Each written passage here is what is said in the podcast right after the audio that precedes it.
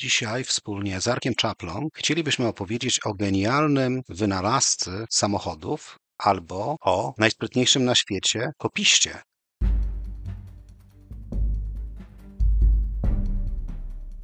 Ryszard Kapuściński powiedział: Wszak istnieje coś takiego jak zarażenie podróżą i jest to rodzaj choroby w gruncie rzeczy nieuleczalnej. Będzie to podcast o podróżach do miejsc niedalekich, o bogatej historii Polski i regionu, o miejscach osiągalnych dla każdego i o moich przemyśleniach w historycznych miejscach. Zapraszam, Marcin.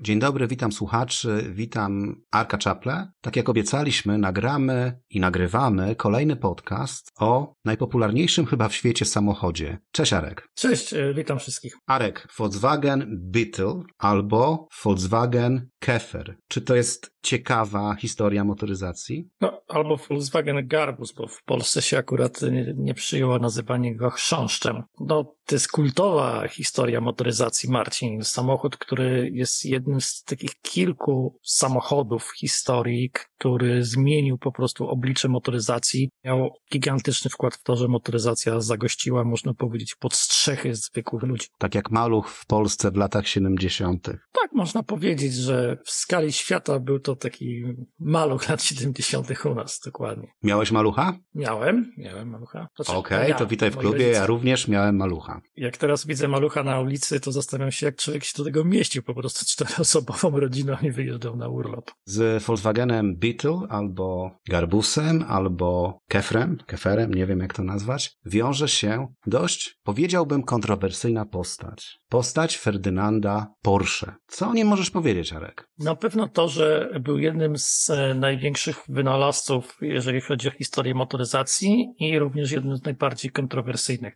jak powiedziałeś. Urodził się 3 września 1875 roku w Mettersdorfie i to są dzisiejsze Wratysławice nad Nisą w czeskich Sudetach, więc urodził się jako poddany cesarza e, austro-węgierskiego wtedy i w 1893 roku wyjechał do Wiednia, gdzie zaczął pracę w filmie Bela Eger, to jest późniejszy Brambowery, czyli dzisiaj ABB i to jest dość ciekawe, że w tym czasie to Wiedeń i Austro-Węgry były, można powiedzieć, taką, takim inkubatorem E, motoryzacji wczesnej e, w tej części Europy i mnóstwa wynalazców, którzy stamtąd pochodzili, ale do tego jeszcze dojdziemy. Więc początki jakby kariery takiej zawodowej Porsche były związane z elektryką i to też nie jest bez, e, bez znaczenia na to, co on później robił. Natomiast on się później przeniósł do fabryki Hoch, Hofwagen Fabrik Jakoba Lonera i tam zaczął budować pierwsze prototypy swoich pojazdów i to były samochody elektryczne Loren, Loner Porsche, których Porsche zastosował bardzo innowacyjny sposób napędu, ponieważ zabudował napęd w kołach. Silniki były zabudowane bezpośrednio w kołach, nawet zbudowano wersję z napędem na cztery koła, a później poszedł dalej troszkę tym torem i zbudował, zaczął budować samochody z napędem e, hybrydowym. Zbudował ich około 3000 sztuk i żeby udowodnić, że to działa i jest niezawodne, to pojechał takim swoim samochodem ze swoją żoną w podróż poślubną do Włoch. Co było ciekawe, Arek, on jako, pojawił się również jako konstruktor własnego silnika elektrycznego. On zrobił własny silnik. Ponoć ten silnik był na miarę dzisiejszych silników elektrycznych asynchronicznych. Był na pewno zafascynowany elektrycznością. To była taka fascynacja, która towarzyszyła Porsche obok fascynacji motoryzacyjnej, ale to też warto jedną rzecz powiedzieć. Samochody elektryczne to nie jest e, wynalazek XXI wieku i e, obecna moda. Można powiedzieć, że historia zatacza pewne kółko, dlatego że w początkach motoryzacji, w końcu XIX wieku i jeszcze początku XX równolegle istniały dwa trendy konstrukcyjne samochodów z silnikami spalinowymi i samochodów z silnikami elektrycznymi. Rozwój silników spalinowych poszedł dalej i, i ta droga, droga wygrała. Samochody elektryczne zeszły z, z, z pola, żeby wrócić teraz, kiedy ta technologia się bardziej dopracowała. Natomiast spójrzmy na to. Mamy e, początek XX wieku, a Porsche buduje samochód z napędem hybrydowym. To jest też ciekawostka. Tak, ale te samochody hybrydowe to była jego idea, a tak naprawdę znalazł pracę w koncernie Daimler-Benz i tam zaczął projektować już samochody z silnikiem spalinowym. Dokładnie, ale zanim trafił e, Marcin do Daimlera, jeszcze pracując w Austrii, zbudował jeszcze jeden ciekawy pojazd, o którym rozmawialiśmy przed tym podcastem, czyli tak zwany Landwehr-Train lub Elektrischer Train. Budował pociąg z napędem hybrydowym. Tak, oczywiście, który... pamiętam to, Arek, bo już od 1900 roku Ferdynand Porsche upierał się, że napęd hybrydowy ma sens we wszystkich pojazdach, nie tylko samochodach. Dlatego skonstruował właśnie te specjalne pociągi dla austro-węgierskiej armii, które na przykład podczas I wojny światowej używane były do transportu ciężkich armat, nawet 90-tonowych moździerzy Skody, które były używane do obrony czy tam ostrzału pozycji w wysokich górach. To była ciekawa konstrukcja, bo tam na, ona miała na, na poziomie lokomotywy miała generator, a silniki były w wagonach, o ile dobrze się orientuję. Na przykład w sytuacji, w której załóżmy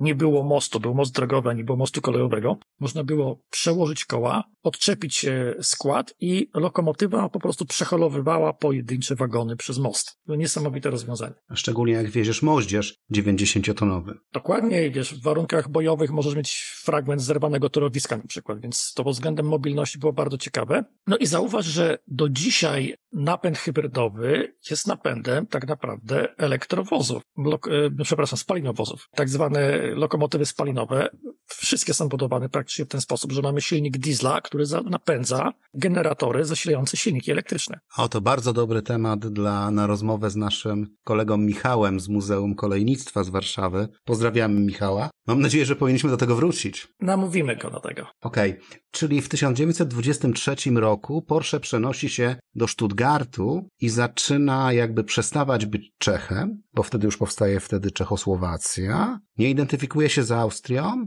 staje się powoli Niemcem. Ale on miał czechosłowackie obywatelstwo. Wiem, wiem, że miał je, ale nie do końca mu to pasowało. No, ale też Niemcy też tak nie do końca mu pasowało. Większość życia był tak jedną nogą w Niemczech, drugą nogą w Austrii. W końcu w Austrii miał, e, miał swój dom i tam też przez pewien moment e, Porsche pod koniec wojny, teraz po wojnie przynosi swoją działalność. Natomiast, tak powiedziałeś, przeniósł się do Stuttgartu, zaczął pracę mm, w Daimlerze i zaczął w Daimlerze między innymi budować znakomite samochody sportowe. To zaowocuje w latach 30. przed II wojną światową serią takich samochodów, które miały nazwę Srebrna Strzała, które praktycznie zdominowały wtedy e, tory wyścigowe na świecie i wygrywały wszystkie wyścigi. I tam w tym Stuttgarcie 25 e, kwietnia 1931 roku wydarza się ważna, ważna rzecz w historii motoryzacji. Ferdynand Porsche rejestruje swoją własną firmę pod swoim nazwiskiem. To miało być takie biuro konstrukcyjno-konsultacyjne i w tym samym roku, 10 sierpnia 1931 roku Porsche rejestruje oficjalnie swój pierwszy patent z wielu patentów, które opracował.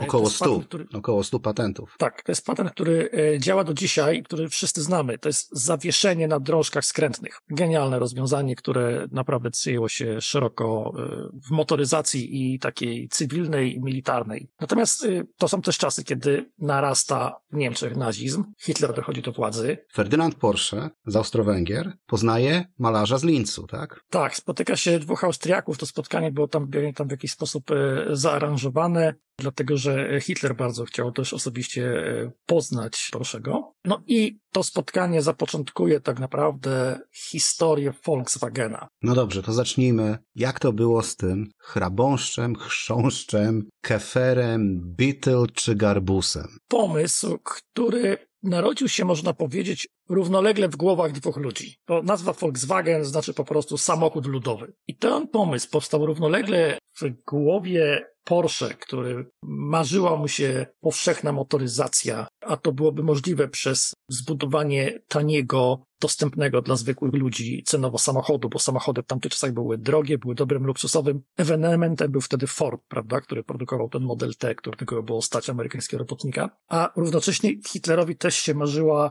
już nowoczesna Rzesza, której elementem byłaby motoryzacja. I to się wpisywało też w taką pasję motoryzacyjną Hitlera, więc Porsche szukał takiej możliwości, żeby to się dało zrealizować. Tak powstał pomysł zbudowania e, taniego, ogólnodostępnego samochodu, który miał kosztować, z tego co pamiętam, tysiąc marek niemieckich. E, miało być na niego stać przeciętną e, niemiecką rodzinę. Podobno nazwę Kefer, czyli chrząszcz, zasugerował, zasugerował Adolf Hitler.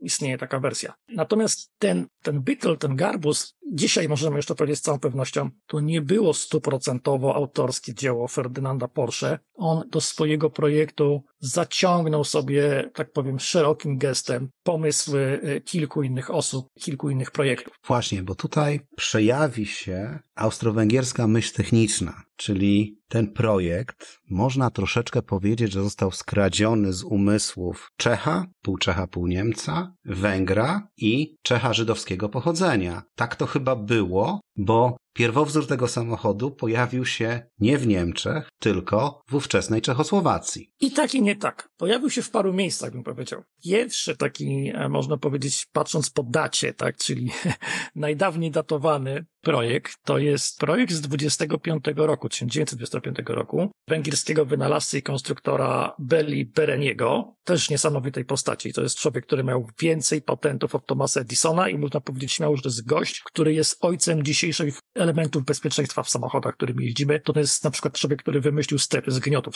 w autach, pracując po wojnie. Bella Bereni w 1925 roku, pracując dla Daimler-Benza, wykonał podstawowy projekt samochodu. Te rysunki można znaleźć na stronach Mercedesa do dzisiaj. Myślę, że Mercedes traktuje to troszeczkę jako spilę taką wbijaną Volkswagenowi, który do złudzenia przypominał Garbusa. Ten sam kształt, napęd z tyłu, silnik z tyłu, silnik chłodzony powietrzem. To zrobił 5 lat przed tym, jak Porsche twierdzi, że stworzył pierwszą wersję swojego projektu w 1930 roku. Teraz weź pod uwagę, że Porsche pracował w tym samym czasie co Bereni, stworzył ten projekt w Daimlerze. Dziwna zbieżność okoliczności. Natomiast w 1953 roku Bella wygrał w sądzie sprawę z Porsche o naruszenie jego patentów, a dwa lata później, w 1955 roku, Bella pozwał Volkswagena i uzyskał uznanie prawne swojego wkładu Volkswagena Typ 1, czyli przyszłego Garbusa. Czyli tu mamy pierwszego okradzionego człowieka. Kim był następny? Kolejny to Józef Gantz. Powiem szczerze, że nie pamiętam, czy był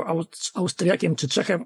Pochodził z Austro-Węgier e, i był do tego żydowskiego pochodzenia, co dodaje tutaj pewnego smaczka. I on w latach 1930-35 pracował dla fabryki firmy Standard w Ludwigsburgu w Niemczech i ona produkowała wtedy opracowany przez niego samochód, który nazywał się Standard Superior, który miał bardzo wiele wspólnych cech z garbuscem, miał bardzo podobną bryłę, też takiego chrząszcza, silnik z tyłu, niezależne zawieszenie kół i rurowe podwozie. Ale teraz, co jest najlepsze, i można dzisiaj znaleźć te reklamy, daje się odszukać w internecie, nawet chyba na, przy haśle w Wikipedii dotyczącej samochodu Standard Superior to jest. Standard Superior był reklamowany w niemieckim piśmie motoryzacyjnym Motor Critic jako niemiecki samochód ludowy Deutsche Volkswagen. I ta reklama wyglądała w ten sposób, że przy takim samochodzie wyglądającym do złudzenia jak Garbus stała sobie czteroosobowa, szczęśliwa niemiecka rodzinka, a pod tym pisało Deutsche Volkswagen Superior. I jeszcze było napisane napisane Schnellstand und Billingstern, także tak. określało to parametry tego wozu. Najszybszy i najtańszy. No, kosztował 1590 y, marek. No, 60% powyżej założonego celu cenowego y, Garbusa przyszłego, tak? No i trzeci, chyba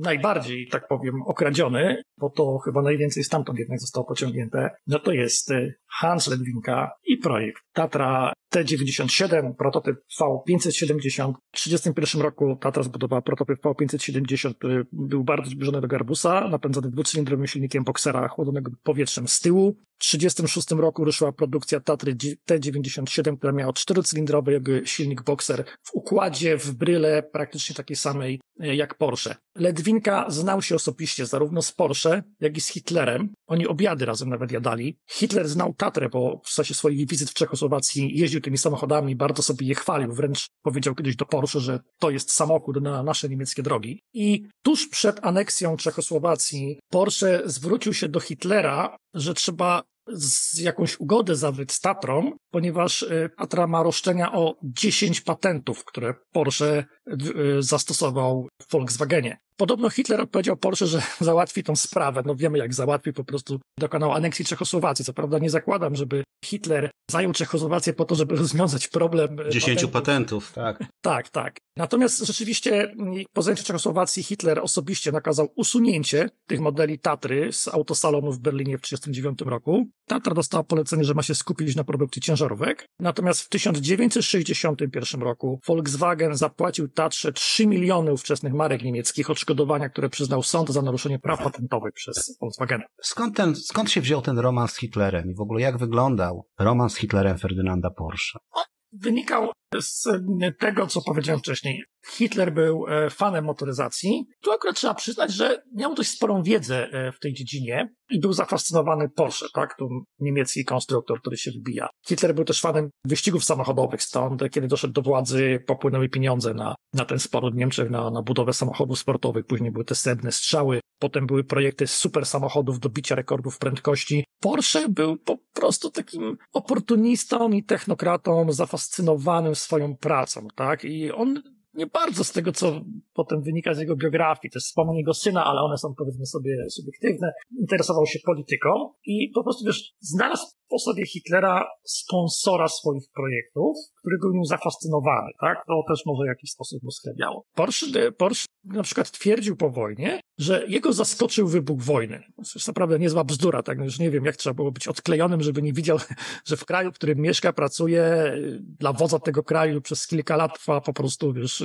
zbrojenie i nagonka, że zmierzamy do, do wojny. Będąc członkiem NSDAP, tak? Był członkiem NSDAP, ale nigdy nie złożył wniosku o członkostwo oficjalnie. Został po prostu na tą listę partyjną członków partii wpisany tuż po jego powrocie ze Stanów Zjednoczonych, gdzie był w 1936 roku odwiedzić fabrykę Forda w Detroit. Spotkał się zresztą osobiście z Henrym Fordem. Po prostu Porsche chciał zapoznać się z technologią produkcji seryjnej na taśmie produkcyjnej zastosowaną przez Forda. A ponieważ był już zaangażowany w projekt Volkswagena, no to nie wypadało, żeby nie był w partii, więc po prostu Hitler kazał do partii zapisać. Natomiast Porsche nigdy oficjalnie sam nie złożył wniosku o to członkostwo, członkostwo w, tej, w tej partii, więc no był i nie był. Natomiast nie da się powiedzieć, że nie czerpał z tego korzyści e, finansowych e, również, również ogromnych. I to nie tylko, nie tylko on, ale również jego rodzina, tak, jego zięć. O Antonim Piechu za chwilę, wiesz, Arek. Ale a no. propos Stanów Zjednoczonych. Znalazłem informację również, że inspiracją dla Garbusa był niejaki DeSoto Airflow, samochód osobowy produkowany przez Chryslera pod marką DeSoto w latach 1934-1936. I nie uwierzysz, Arek, mimo parametrów wszelakich, takich jak cena, komfort jazdy, cisza w opływowym kształcie, był on porażką rynkową, bo klienci uznali jego aerodynamiczne kształty za niebezpieczne w porównaniu z kształtami tradycyjnymi. Ci, którzy nas słuchają, mogą sobie wyszukać w internecie tego, ten samochód DeSoto Airflow faktycznie przypomina Garbusa. To mnie zaskoczyłeś, ale możemy założyć, że e, Porsche, będąc w Stanach w 1936 roku, mógł się z tym samochodem po prostu zwyczajnie zetknąć chociażby na ulicach, prawda? No, ale to też pokazuje, że ta koncepcja takich kształtów w paru różnych miejscach mniej więcej równolegle powstawała. Wróćmy do Ferdynanda Porsche i jego, powiedzmy sobie w cudzysłowie, przyjaźni z Adolfem Hitlerem, bo w czasie II wojny światowej projekt Volkswagena Chrząszcza, Volkswagena Kefer rozwija się i ten samochód, oczywiście on już jest jednym z naczelnych inżynierów Hitlera, Ferdynand Porsche, ten projekt się rozwija i on ma kilka wariancji. Jedną z nich na przykład możemy zobaczyć w filmie Pan Samochodzik i Templariusze. Powstały wersje Volkswagena Garbusa o nazwie Schwimmwagen i Kibelwagen. Może o nich chwilę powiedzmy. One obydwie były produkowane w nowo zbudowanej wtedy tuż przed wojną fabryce w dzisiejszym Wolfsburgu. To wtedy to było jeszcze pod Wolfsburgiem. Dzisiaj to już jest administracyjnie e, Wolfsburg, ta słynna siedziba Volkswagena i pierwsza, pierwsza ich fabryka. E, natomiast e, tutaj dodam na marginesie, że wbudowano, zbudowano niewielką serię garbusów przed wojną i na początku wojny, ale one były produkowane w Stuttgarcie, nie były produkowane jeszcze w Wolfsburgu. Wolfsburg po prostu, gdy wybuchła wojna, został przestawiony na produkcję wojskową i tak najpierw powstaje Kübelwagen, czyli terenowa wersja garbusa, prostu bazował na, można powiedzieć, płycie, na, na, na, zawieszeniu, na rozwiązaniach tych garbusowych. Garbus o nazwie wiadro, tak? Ta nazwa Kübelwagen wzięła się stąd, że w nim zastosowano, on nie miał drzwi z boku, natomiast żeby zapewnić bezpieczeństwo w jeździe terenowej pasażerom, on miał zastosowane takie po raz pierwszy zaprojektowane kubełkowe fotele. I od tego wzięła się nazwa. Nie dlatego, że on wygląda jak kubeł, tylko że miał kubełkowe fotele.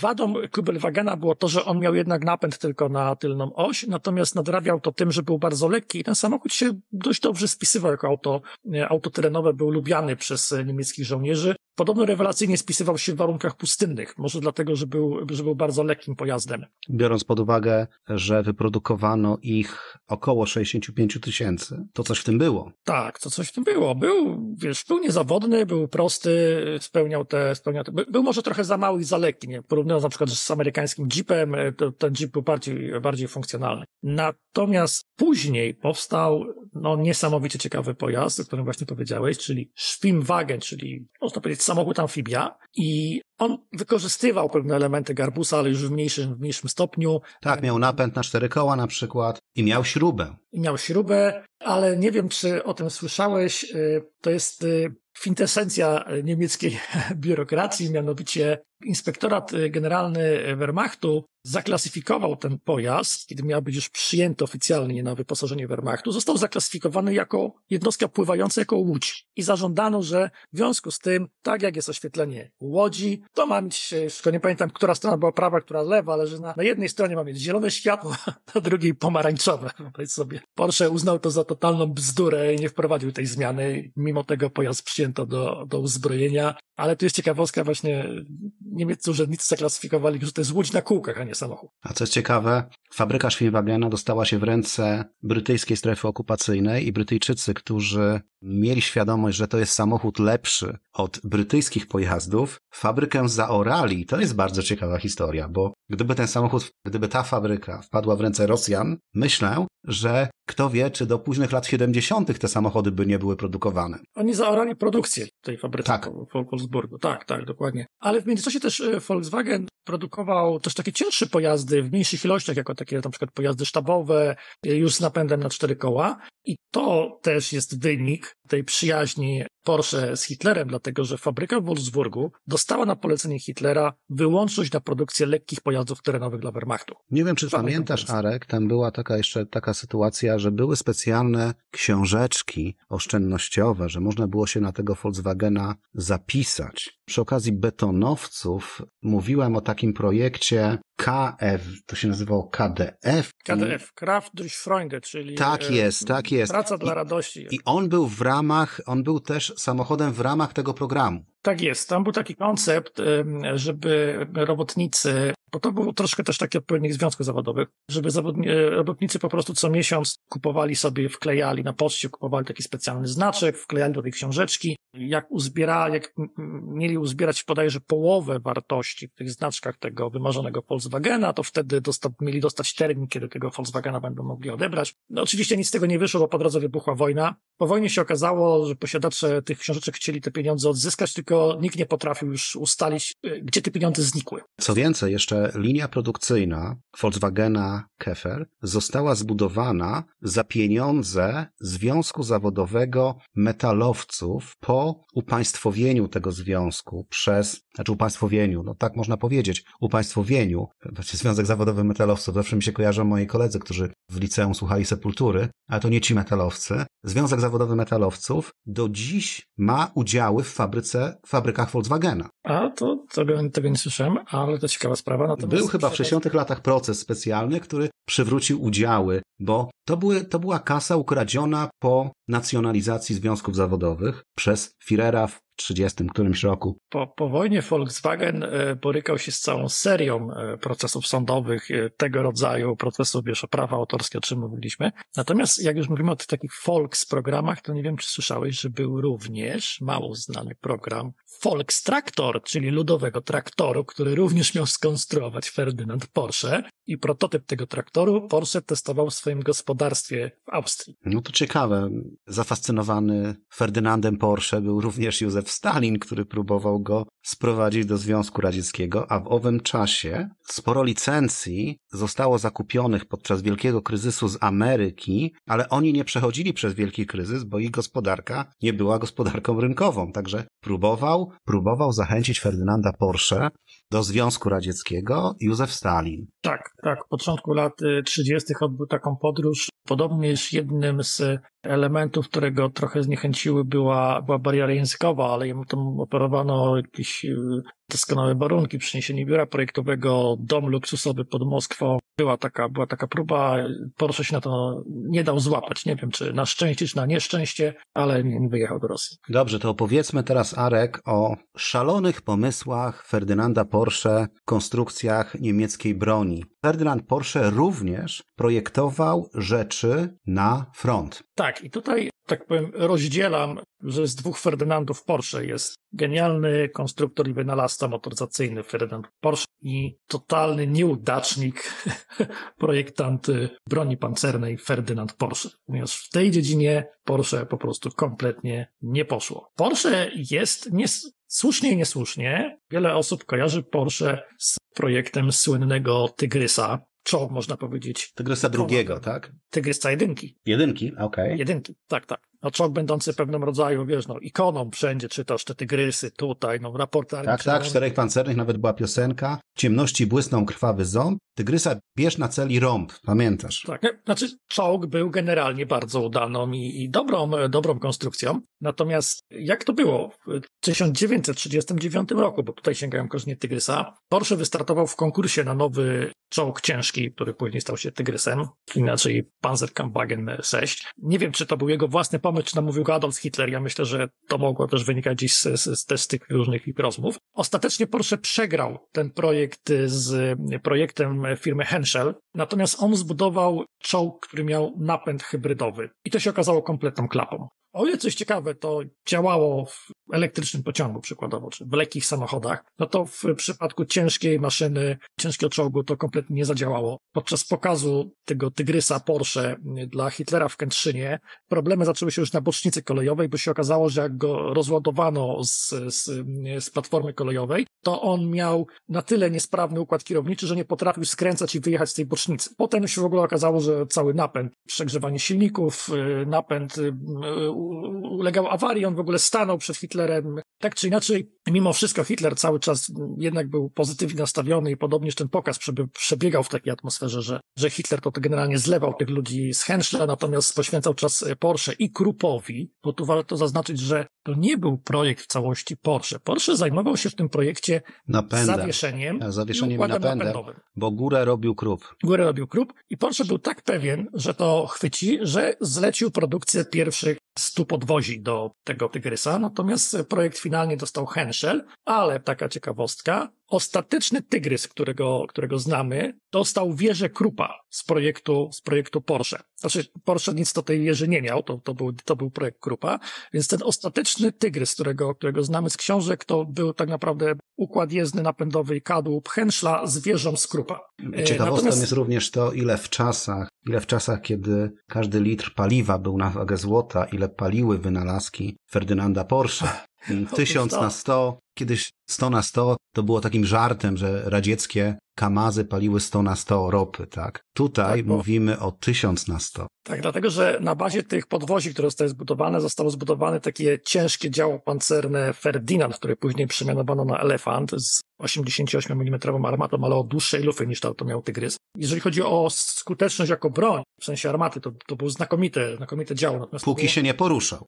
póki się nie poruszał, on był tak ciężki, ten układ napędowy był paliwożerny, to co powiedzieć, on spalał tysiąc litrów na setkę, do tego miał ten cały napęd hybrydowy, on niby został tam udoskonalony, ale ten napęd był awaryjny, był koszmarny w serwisie, no to kompletnie nie było rozwiązanie na pole walki. Poza faktem, że z drugiej strony działa pancerne Ferdynand był jednym z najskuteczniejszych niemieckich pojazdów pancernych, bo one miały stosunek zniszczonych czołgów do straconego Ferdynanda bodajże 10 do 1.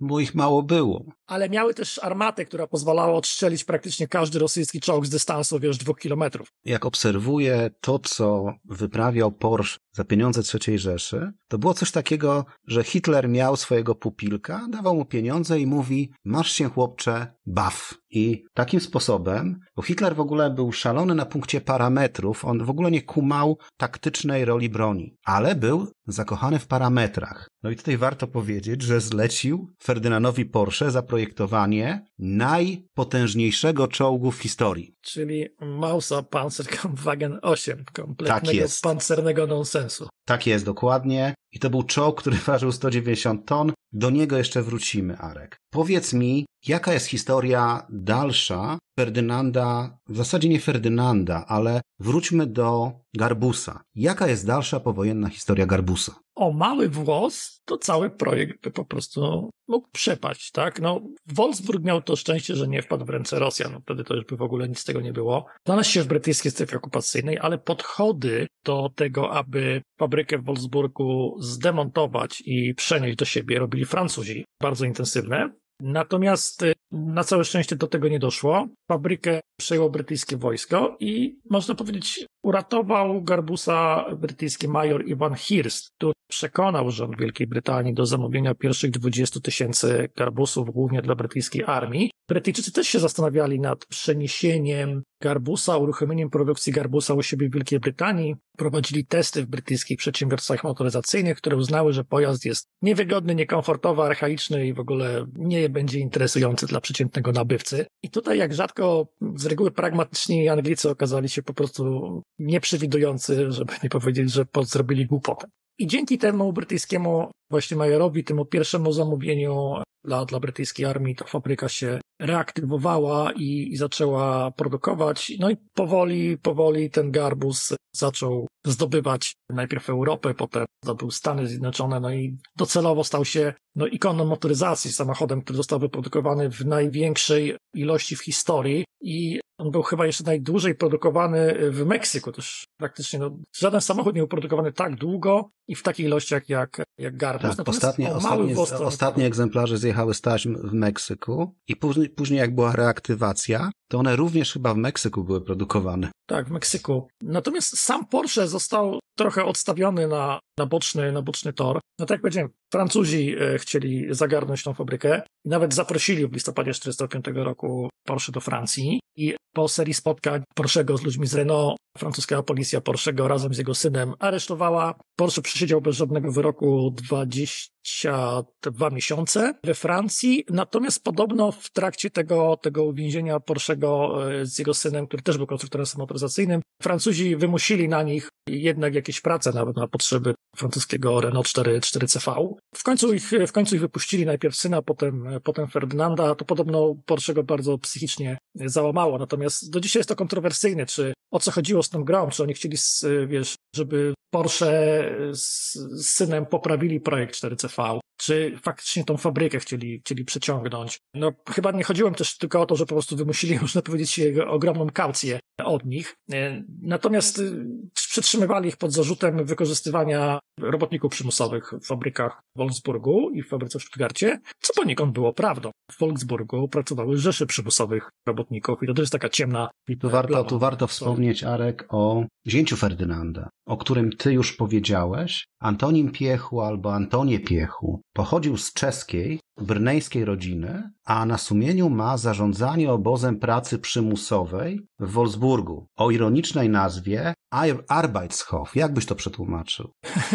Można by to powiedzieć jakoś jako dwór pracy, czy, czy, czy wieś pracy, o coś w tym rodzaju. No bo Anton Piech był notabene również dyrektorem tej fabryki, mimo że nie miał kwalifikacji, bo był prawnikiem, no ale znajomość, wiesz, teścia z Adolfem prawdopodobnie mu w tym pomogła, czy na pewno mu w tym pomogła. Co więcej, zbudował dom dziecka dla niemowląt robotników przymusowych. Co najmniej 350 dzieci zmarło po oddzieleniu od matek, bo te zostały zmuszone do powrotu do pracy dwa tygodnie po urodzeniu. Dowodził także czterema plutonami, co więcej. Kolekcjonerom wiedzy niepotrzebnej chciałbym powiedzieć, że w 1950 roku Piech został dyrektorem zarządzającym Porsche Konstruktionen GmbH w Austrii, w Salzburgu. Czyli mamy człowieka do galerii wyjątkowych skurwysynów, którzy uniknęli kary. On jeszcze pod koniec wojny z kasy e, fabryki w Wolfsburgu pobrał 10 milionów ówczesnych marek pod pretekstem zabezpieczenia działalności firmy po wojnie. Ta kasa stała się później kapitałem, e, wiesz, początkowym powojennego Porsche. Arek, ja bym chciał ciebie zapytać o dwie rzeczy. Twoim zdaniem najlepszy wynalazek Ferdynanda Porsche i najgorszy wynalazek Ferdynanda Porsche? Myślę, że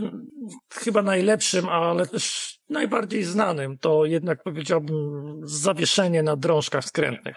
To jest coś, co naprawdę zrobiło wielką karierę i, i myślę, że za ten pomysł możemy być Ferdynandowi naprawdę wdzięczni, tak szczerze mówiąc. Natomiast najgorsze, no też poniekąd z racji może trochę moich e, zainteresowań, ale tak jak powiedziałem, Porsche motoryzacyjnie, jeżeli chodzi o samochody, to był genialny człowiek. Natomiast w zakresie techniki uzbrojenia to, to była masakra. I myślę, że e, jego napęd hybrydowy Tygrysa, później Ferdynanda, to było naprawdę najgorszy, najgorszy pomysł, który zrealizował. Ja bym miał troszeczkę inne zdanie, bo jednak uważam, mimo wszystko, czy to była konstrukcja kradziona, czy kopiowana, to jednak samochód dla ludu pomógł światowej motoryzacji w świadomości, że każdy może mieć samochód. To jest to, to samo, co zrobił Maluch w świadomości Polaków. Natomiast jeżeli chodzi o najbardziej nieudany projekt wojskowy, Porsche, no to oczywiście był super ciężki czołg Maus, który Porsche opracował podczas II wojny światowej. Maus był masywnym czołgiem, który ważył 180 ton, tak jak mówiliśmy, czy 190 ton i był uzbrojony w dwa działa, tam 128 mm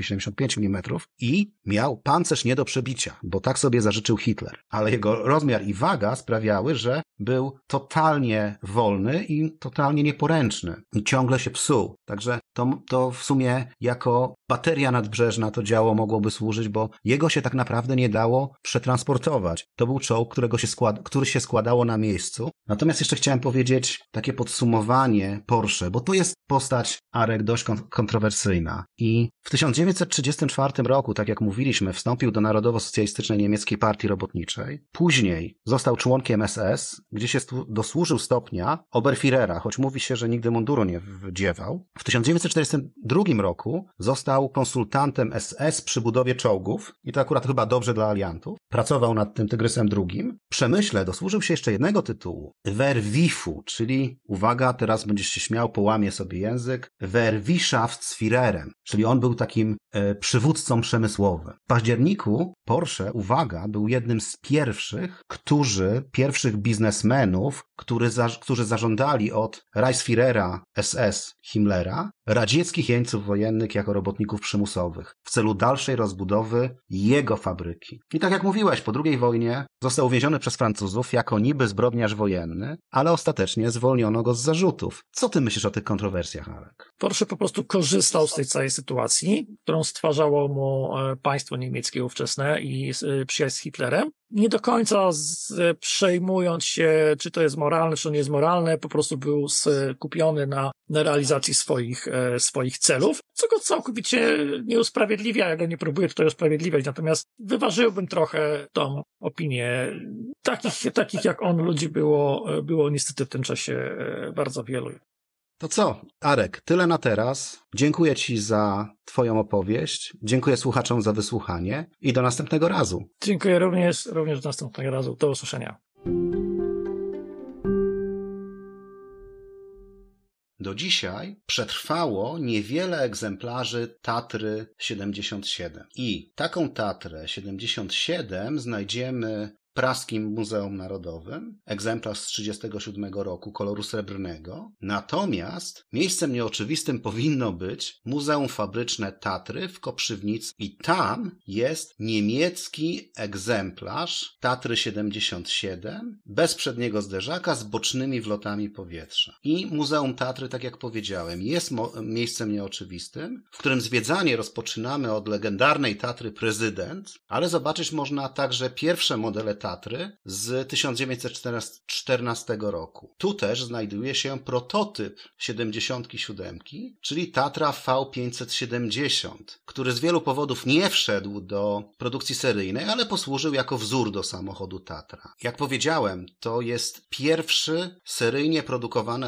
aerodynamiczny typ Tatra 77A. Ale zobaczymy tutaj na przykład samochód, który ma ciekawą nazwę. To jest Tatra T87 i akurat ten model został podarowany po II wojnie światowej sowieckiemu marszałkowi Jeremienko za jego sukcesy w ostrawsko-opawskiej operacji przeciwko Niemcom. Nawiasem mówiąc o tym samochodzie, nazistowski minister do spraw uzbrojenia i amunicji Fritz Todt, o którym zrobiłem podcast i odsyłam tutaj słuchaczy do tego podcastu, on miał powiedzieć, ten 87 to samochód na autostrady, no bo Fritz Todt budował autostrady, ale on był uznany jako tak zwana czeska tajna broń, ponieważ wielu niemieckich oficerów podczas II wojny światowej zabijało się tym samochodem zbyt szybką jazdą, więc armia niemiecka ostatecznie zabroniła swoim oficerom jazdy tym właśnie autem. Także takie i inne rzeczy można zobaczyć w Koprzywnicy w Muzeum Tatry.